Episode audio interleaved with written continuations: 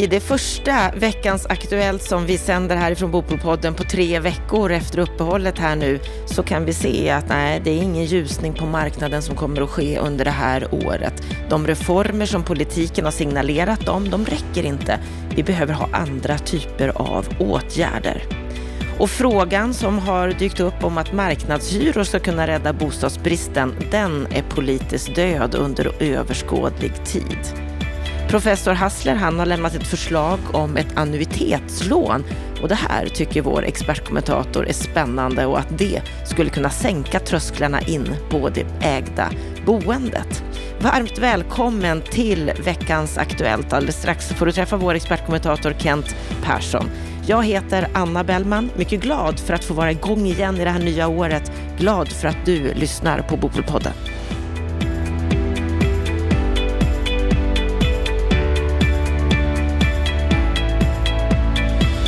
Ett nytt år är igång och eh, det har hänt en del under den här veckan och veckorna som har gått och dessvärre kanske inte jättemycket upplyftande. Det stora på marknaden just nu det är väl nedgången i småhustillverkningen.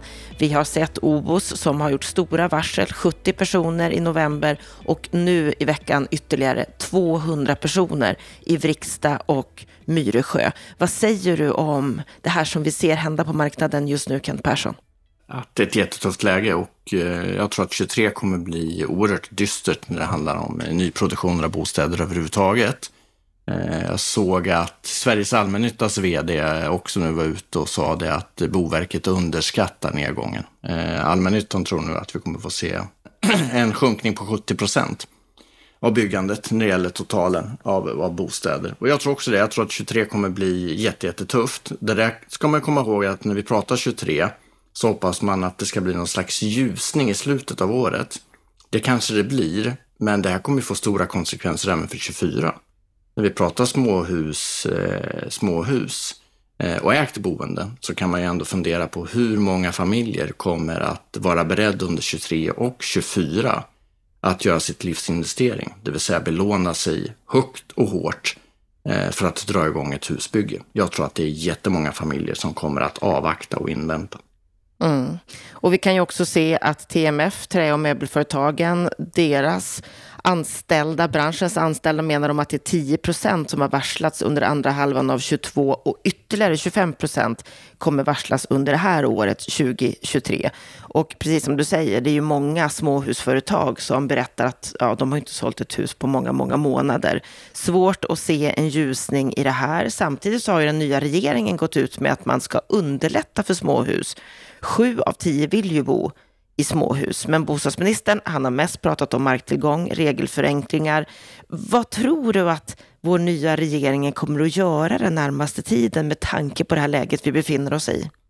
Ja, de har varit ganska avvaktande och det är väl naturligt. Vi har haft en regering som har varit på plats en ganska kort stund eh, och landar rakt in i att hantera ett krig, en ekonomisk kris. Eh, till det ska vi komma ihåg att regeringen behöver hantera NATO-medlemskapet och eh, ordförandeskapet i EU. Så att jag tror att det är fullt upp för dem. Så att de skjuter nu det här lite grann framför sig. Sen ska man komma ihåg att eh, de eh, ambitionerna som bostadsministern och regeringen har gett signaler om att man vill se mer småhusbyggande och det här med regelförenklingar och marktillgång.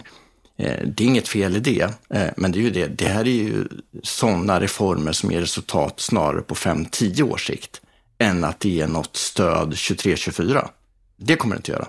Vill regeringen göra någonting för att minska krisen under 23, 24 och kanske till och med 25, ja då handlar det om andra saker som de behöver gå in med. Och då tror jag ändå att förr eller senare kommer man behöva ha någon slags diskussion om ett, eh, ett eh, eventuellt byggstöd, alltså konjunkturstöd eh, för att underlätta för branschen att kunna fortsätta bygga. Eh, men dit är en bit kvar. Vi vet att regeringen avskaffade investeringsstödet. Jag tror inte att de är så jättepigga på att under 23 gå in med nya stöd. Eh, men beroende på hur, eh, hur dåligt det går så tror jag att regeringen måste överväga att ändå gå in med stöd för att annars kommer arbetslösheten bli stor och det här kommer drabba svensk ekonomi oerhört stort. Mm. Och det drabbar ju som sagt många aktörer. Som vi sa, Obos, de varslar och har varslat mycket här i veckan. Samtidigt som de också säger att vi satsar framåt. 1,2 miljarder satsar de på en ny fabrik i Vriksta. En modernisering gör de av fabriken i Myresjö. Och Sverige-vdn Joakim Henriksson säger att vi ska finnas här i hundra år till. Kommer de att lyckas med det här tror du? Absolut. I ett, I ett längre perspektiv så är ju det här en kris som kommer pågå ett par år, förhoppningsvis inte längre. Eh, och alla som är inne i den här branschen är ju långsiktiga. Alla stora seriösa aktörer är långsiktiga. Eh, och Åbos är en sån stor aktör att de ska kunna klara av att gå igenom den här krisen. Nu varslar de väldigt många, vilket också gör att det kommer bli tufft för dem att sen komma igång. Eh, men många av eh, byggföretagen och eh, fastighetsbolagen har ju ett hundraårigt perspektiv eh, och under de kommande hundra åren så kommer vi få fler kriser än den här och det måste man klara av att hantera. Och vi har ju ett tufft läge, inte bara att, att branschen är i ett tufft läge just nu, vi har ju också en bostadsbrist som vi har pratat otroligt mycket om i den här podden. Och eh, den finns ju kvar. Vi behöver fler bostäder. Och det uppstod en debatt när det gäller just bostadsbristen på DN Debatt om marknadshyror. Det är professorerna Roland Andersson och Lars Jonung som menar att tanken att man kan bygga bort bostadsbristen, den är helt fel. Det går inte att bygga bort bristen så länge vi har marknadshyror. Att enda sättet att få bukt med bostadsbristen, det är att införa marknadshyror, menar de. Vad säger du om det här? Måste man införa marknadshyror för att få bort bostadsbristen? Man kan väl ganska eh, enkelt konstatera att det finns inget politiskt stöd för det. Eh, vi hade ju som bekant under förra mandatperioden en utredning som ledde till ett förslag att införa fri hyressättning för nyproduktionen. Och där fanns det ju också ett stöd i riksdagen. Då valde ändå majoriteten i riksdagen att istället avsätta statsministern istället för att genomföra den reformen. Så att min bedömning är att vi pratar framåt och under överskådlig tid skulle jag säga, så kommer vi inte få se marknadshyra eller fri hyressättning, vare sig på nyproduktion eller befintligt bestånd. Det finns inget sådant politiskt underlag. De här professorerna de fick svar från både Jag vill ha bostad.nus, Alexander Wilson van Durs och TMFs Gustav Edgren. Och Edgren menar att det går att bygga bort bostadsbristen men fokus måste breddas. Att det är för mycket fokus på hyresrätten som bara utgör 30 procent av marknaden. Och han säger bland annat så här att våra undersökningar bland landets kommunpolitiker visar att viljan finns men kunskap saknas. Det saknas till exempel argument kring varför det inte skulle gå att bygga bort bristen med fler bostäder med äganderätt, för det gör det. Har han rätt i det? Tycker att det är lite, lite, mer svårt än så. Det har ju också att göra med att eh, när vi pratar bostadsbrist i det här landet så ser inte den likadan ut i hela landet. Vi har störst problem i Stockholmsområdet och sen har vi i sjunkande grad problem i, i universitetsorterna och sen i övriga landet så är det faktiskt på många ställen eh, snarare en, en bostadsmarknad i balans och där det också går att få tag på småhus om du vill bo i småhus. Eh, när det gäller då tillväxtorterna och framförallt Stockholm, så det vi pratar om är att det är ganska stora volymer bostäder som behöver fram. Och jag är ledsen, eh, men småhusbyggandet kommer inte kunna möta det, det volymbehovet eh, som storstäderna har i det trycket som finns på inflyttning och för att tillväxten ska fungera.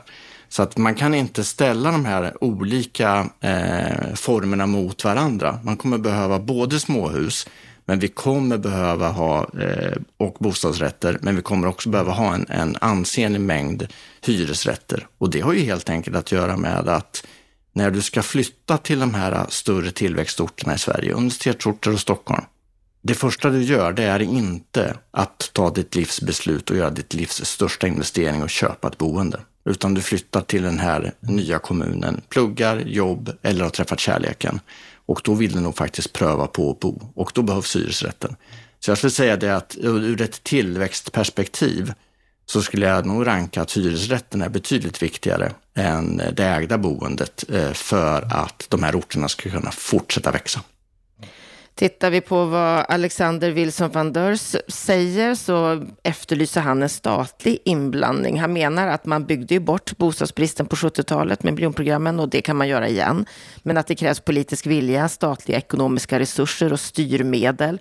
Då kan bostadsbristen byggas bort. Och han säger också så här, om det vore så enkelt att höjda hyror leder till ökat byggande så hade det hänt vid det här laget. Hyrorna har stigit betydligt mer än konsumentprisindex i decennier. Presumtionshyror hyror gör att nybyggda hyreslägenheter har hyror som motsvarar marknadshyror och fastighetsägare gör miljardvinster varje år. Vad säger du om hans syn? Man kan väl säga så här att eh, tittar du på presumtionshyran eh, så är det rätt att den ligger väldigt nära marknadshyra och så ser det faktiskt ut i stora delar av Sverige. Det går inte att ta mer betalt. Det är snarare så att vi ser att eh, hyresnivåerna på nyproducerade hyresrätter ligger lite för högt det är svårt att få hyresgästerna att bo kvar länge. Man, man flyttar in och sen flyttar man vidare till antingen ett ägt boende eller en, en hyresrätt med lägre hyra. Problemet är ju i Stockholm där bostadsbristen är så enorm eh, och eh, där du skulle behöva få både mer byggande och också få en större faktiskt omflyttning för att kunna använda det befintliga beståndet bättre. Där skulle möjligtvis i Stockholmsområdet en eh, fri hyressättning skulle kunna skapa en rörelse och kunna skapa mer, mer investeringar och mer byggda hyresrätter. Men jag skulle säga att det är Stockholm unikt vi pratar om. I övriga landet ser det annorlunda ut. Problemet idag eh, med presumtionshyressystemet är ju att med de här domarna som har kommit eh, nu så innebär ju det att den årliga uppräkningen av hyran får vi egentligen bara göra hälften av vad vi gör i den vanliga hyresförhandlingen.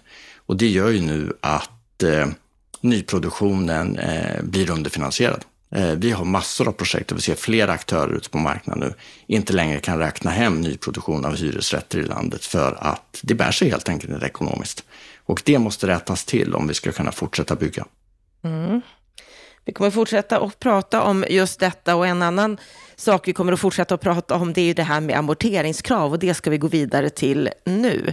John Hassler som är professor i nationalekonomi som du har hört här i Bopelpodden vid ett par tillfällen. Han har haft ett inlägg på SvD Debatt där han förespråkar ett annuitetslån som ju finns i många länder. Han menar att dagens situation när en ung familj köper ett hus och amortera ner sin skuld med dagens system, då betalar man väldigt mycket i början av bostadskarriären och sen ju äldre man blir så får man ju mindre och mindre lån och mindre och mindre skuld. Och det här ger en väldigt skev utgiftsfördelning över livet. Och det menar han, det är inte bra, varken för individer eller för samhället. Och istället så vill han då alltså se ett annuitetslån där man betalar i princip lika mycket hela livet. I början så blir det mindre amortering och den delen ökar med tiden. Vad säger du om hans förslag här när det gäller annuitetslån?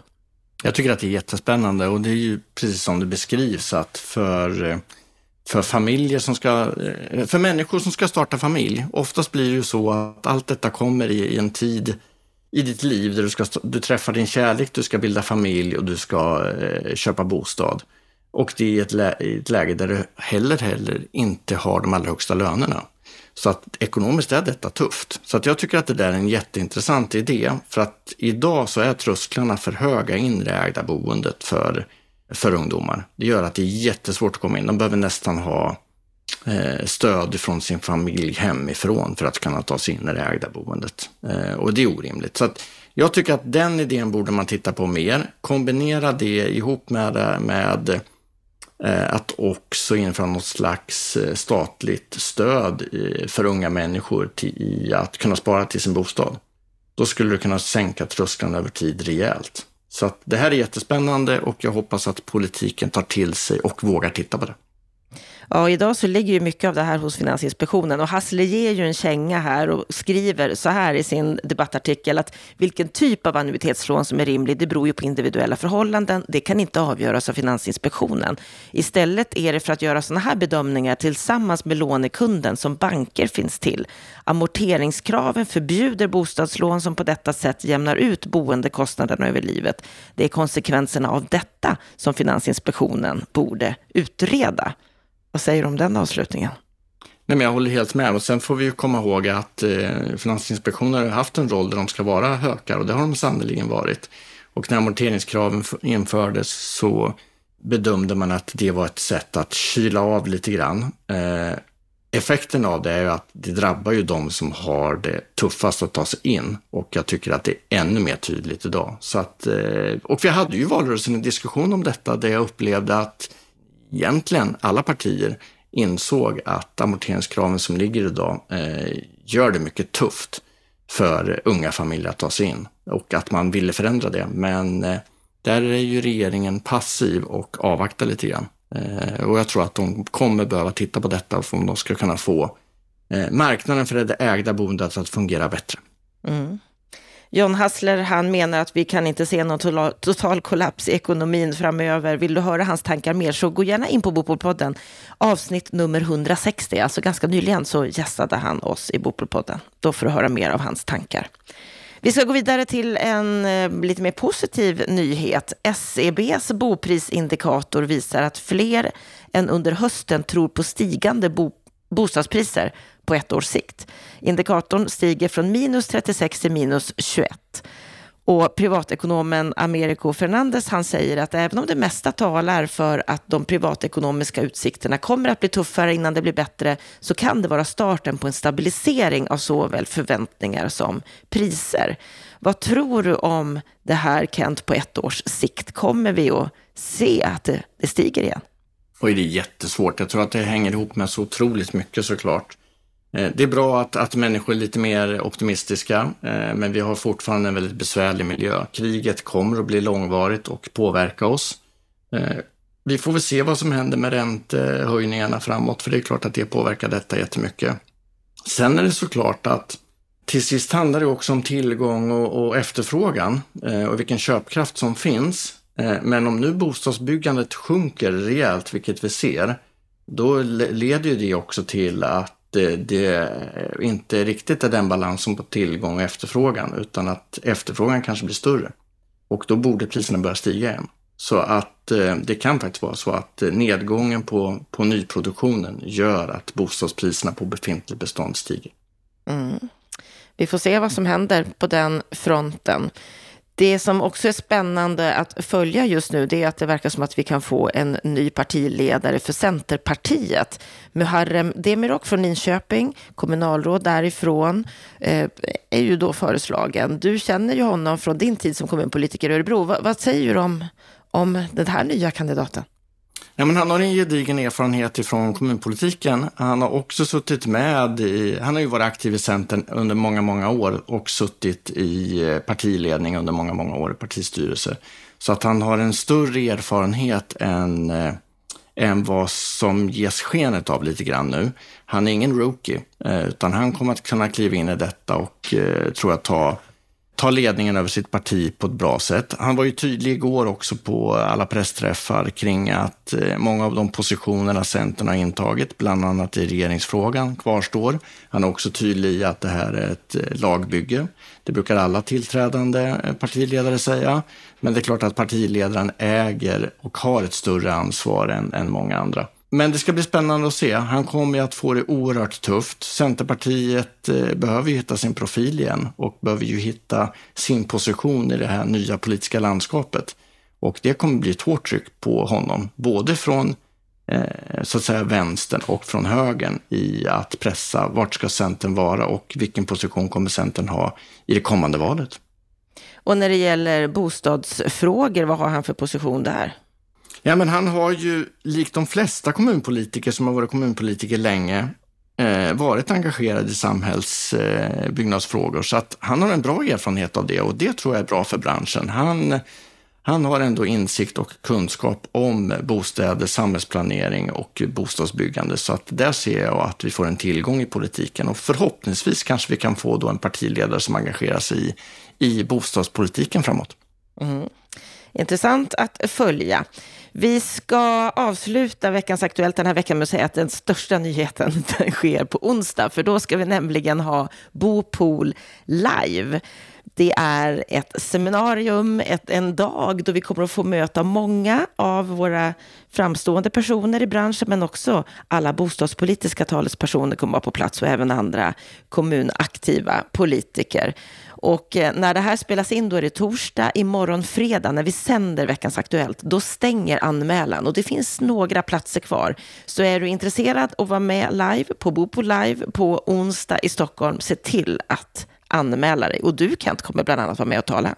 Ja, jag kommer bland annat vara med och tala och lite grann om det politiska läget och vad vi har att förvänta oss under 2023 när det gäller bostadspolitik. Men det är ju en hel rad intressanta och spännande talare och mycket av de frågorna vi har pratat om nu kommer det ju att pratas om den här dagen. Så att vill man ha aktuell information och få känna politikerna på pulsen, då ska man komma hit. Det här kommer bli en jättefin dag. Ja, det kommer bli en riktigt, riktigt bra dag på väldigt många sätt. Men innan dess, då kommer vi från Bopolpodden att vara tillbaka igen och det är vi på måndag och då ska vi få en historielektion vad som har hänt i bostadspriserna, hur de har utvecklats de senaste århundradena. Vi ska få träffa universitetslektor Bo Fransén. Jag vill varna för, lite, lite orolig, att, att vi kanske tänker oss liksom att olyckorna är jämnt utspridda. Eh, men det finns ett ordstäv som säger en olycka kommer sällan ensam. Så att då kanske vi tycker att ja, men nu har vi haft covid här och då borde det vara lugnt ett tag innan nästa epidemi. Det kommer en epidemi förr eller senare, men den kan ju komma imorgon. Mm. Den är helt ny. Det kan antingen vara en variant av den här eller en helt ny sjukdom som dyker upp och ställer till det för oss. Mm. Vi tror att vi är med om en unik tidsresa när vi tittar på hur huspriserna har stigit de senaste årtiondena, men det är ju ingenting om vi jämför med vad som har hänt de senaste århundradena. Lyssna gärna in på måndag, då får du höra Bo Fransén. Det var det som vi hade ifrån Bopolpodden den här veckan. Tack Kent Persson för din analys av läget just nu. Tack till dig som lyssnar på oss. Vill du läsa, förkovra dig mer, gå gärna in på bostadspolitik.se och teckna dig gärna för vårt nyhetsbrev som kommer varje fredag med en sammanfattning av det viktigaste i branschen. Ha nu en riktigt trevlig helg.